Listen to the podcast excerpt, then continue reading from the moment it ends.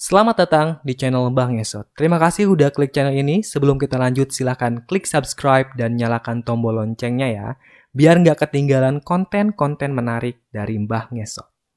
Pada segmen kali ini, Mbah akan membacakan cerita yang baru aja Mbah tulis sendiri.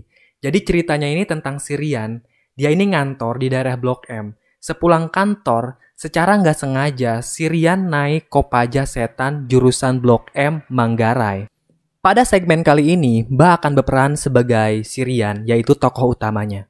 Baik, tanpa banyak basa-basi lagi, mari kita mulai. ceritanya. Gua Rian, gua mau berbagi pengalaman horor ini sama kalian. Kisah ini terjadi sekitar pertengahan tahun 2019. Waktu itu gua ngantor di Jalan Aditya Warman, deket lah sama Blok M. Jadi setiap pulang kantor, gue itu naik busway. Biar irit, Maklum lah, gue ini perantauan, jadi harus pinter ngatur duit. Tapi pada suatu hari, gue lupa bawa flash. Kalau naik ojek online dari Blok M ke Manggarai itu kayak mahal banget. Jadinya gue sayang duit. Akhirnya gue nunggu Kopaja. Siapa tahu kan masih ada Kopaja jam segitu. Gue sempet tanya ke ojek pangkalan, katanya sih emang ada tapi jarang. Gak apa-apa deh gue tunggu aja kalau misalkan tetap nggak ada, gue bakalan sewa ojek online aja. Gak lama berselang, gue ngeliat ada Kopaja jurusan Blok M Manggarai yang muncul dari terminal.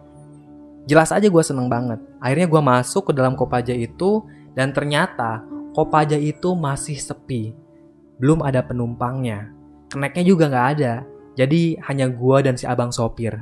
Si abang sopir ngeliatin gue dari kaca spion depan terus gue sapa dia. Wah bang, Untung aja masih ada Kopaja, jadi saya bisa pulang. Si abang sopir nggak ngejawab apa-apa, dia hanya tersenyum tipis. Sampai di Kuningan, Kopaja yang gua naikin itu nggak dapat penumpang selain gua. Aneh banget. Padahal di tiap halte, gua lihat orang-orang berkerumun lagi nunggu angkutan umum. Gak biasanya gua naik Kopaja sendirian kayak gini. Sepanjang perjalanan, gua mainin HP. Tapi gak lama kemudian pas gua noleh ke kaca, gua heran. Karena Kopaja yang gue naikin ini ngelewatin jalan yang gak gue kenal. Itu tuh perumahan yang sepi banget. Terus banyak pohon beringin. Ini di mana ya? Gue tanya ke sopirnya. Pak, ini kita jalan mana ya? Jawab sopirnya kayak gini. Kita motong jalan ya mas, soalnya tadi macet. Begitu kata sopirnya. Gue ngangguk sambil terus waspada. Takutnya kan sopir Kopaja ini mau ngejahatin gue ya.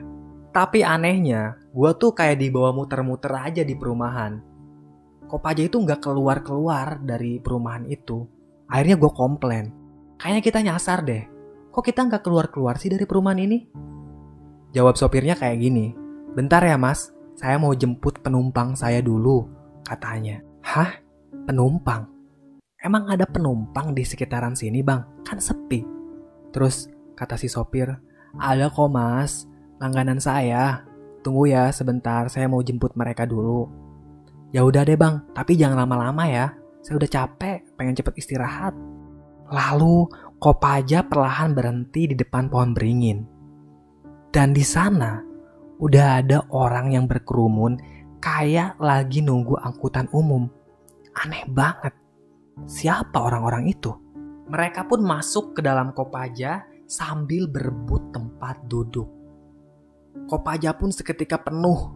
Bahkan ada beberapa dari mereka yang harus berdiri.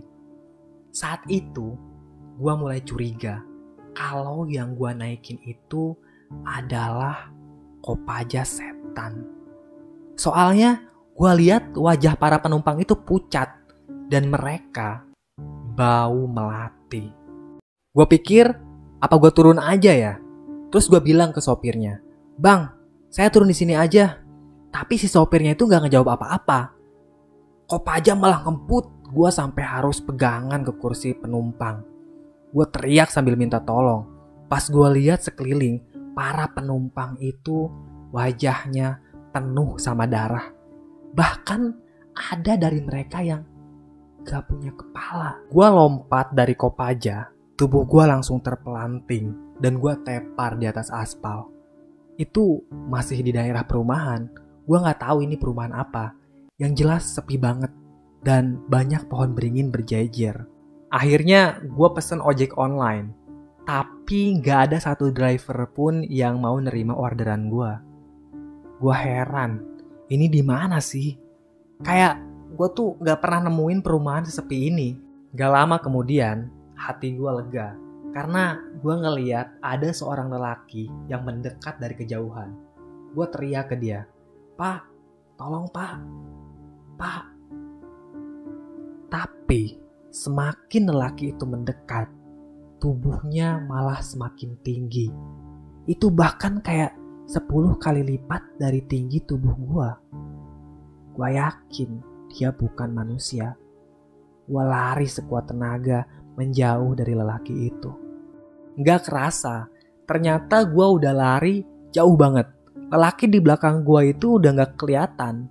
Terus gua ngeliat ada pertigaan di depan dan dari pertigaan itu, ada sebuah gerobak yang tiba-tiba jalan sendiri tanpa ada yang ngedorongnya. Saat itu juga, gua pingsan. Besoknya, pas gua bangun, gua ada di tengah-tengah kuburan di daerah Kuningan.